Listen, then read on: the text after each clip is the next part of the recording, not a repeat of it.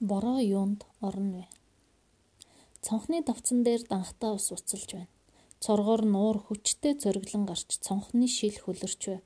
Уйдж байсан Иришка хүний дурс зураад байтал тэр хүн нь уйлж нүднээс нь нулимс тусав. Уур хөрхтөө ус болдог юм а зүв байна. Зуны үе халуун өдөр голын усан дээр үл мэдэг манан дэгдэж байдаг. Уур дээшээ дэгдээд үүл үсдэг юм. Уур их хөрөхөд үүл нь уйлдаг. Ус ууршдаг гэж чи мэднэ. Шалбааг хатдаг. Боронд норсон газар дахиад хуурай болчихдог. Агаарт үргэлж усны уур байдаг. Нүдэнд үзэгдэхгүй болохоор бид мэддэггүй. Уур дээшээ дэгдээд хөрж үзэгдэх болдог. Ингиж үл үсдэг юм. Үл маш жижиг усан туслаас тогтдог. Энэ туслууд маш жижигхэн хөнгөн учраас доошоо ундаггүй. Хөөвөр шиг л хөвж явдаг. Ийм үйл их хөрөхөд жижиг туслууд нь нийлж том болоод бие даахгүй доошоо ундаг.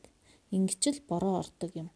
Одоо Иришка чи боддоо гол горих далайн ус хаанаас би болдог юм бэ?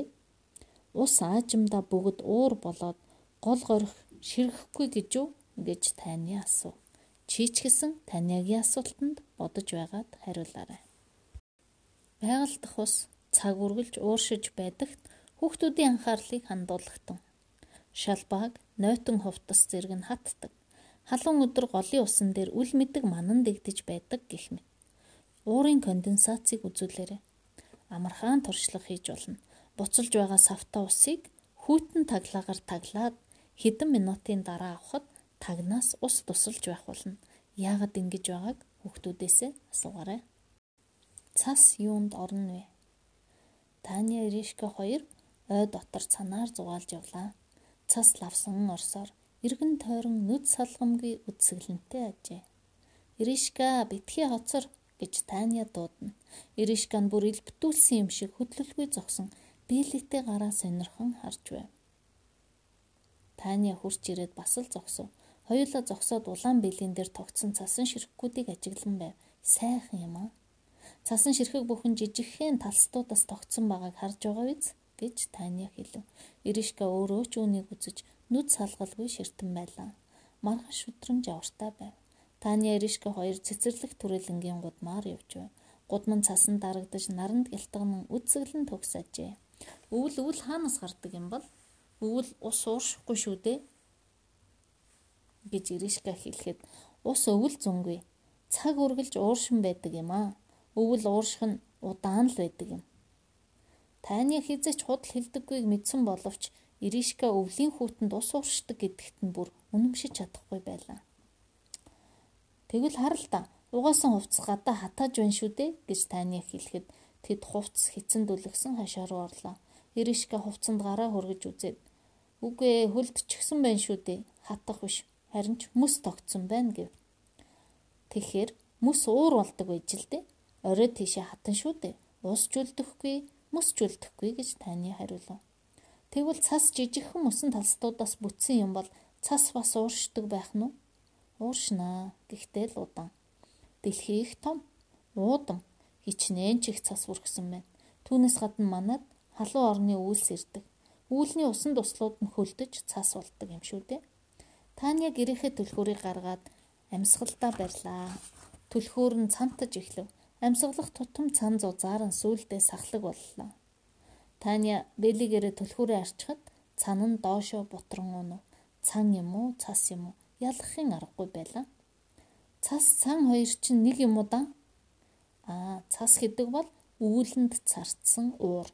Харин сан гэдэг бол шил, төмөр, модны мөчөр тогтсон уур юм шүү дээ. Ингээд Таня Ришка хоёр гэртээ харлаа.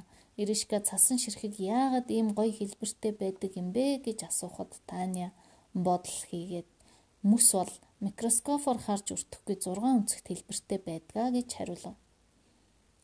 Ингээд Таня цаасаар хэд хэдэн 6 өнцгт хайчлав. Энэ жижигхэн бөөмс хоорондоо холбогдохдоо яаж ч байрлсан дугуй эс буюу дөрвөн өнцөгт болж чадахгүй. Ингээд л 6 хажуутай од болж байгаа юм да. Иришка 6 өнцгтүүдээр өөр дүрс байгуулах гэж оролдоод юу ч бүтсэнгүй. Ян зүрийн 6 хошуутай од болсон боловч Дөрвөлжин ч болсонгүй, дугуйч болсонгүй. Иришка зүүсэн однуудаа бахархан харж байснаа. Ачима. Микроскопт өртөхөргүй жижиг юмыг хүмүүс ийм байна гэж мэдсэн байх юм гэлээ. Таня хэсэг дуугүй байснаа. Хүмүүс таавраар мэдсэн юм гэж хэлв. Иришка Танягийн нүрийг ширтэн ажиглахад тоглож хилээгүй нь илт байлаа. Тэгвэл үнэн юм хэлжээ. Хүүхдүүдтэйгээ хамт цасан ширхэг ажиглаж судлагдсан. Гадаа хүүтэнд өлгсөн хувцас яаж чадахыг ажиглагдсан. Металл юмн дээр уур хөлдхийг туршлах хийж үзээрэй. Эдгээр үзэгдлийг хүүхдүүдээрээ тайлбарлуулж туршаарай.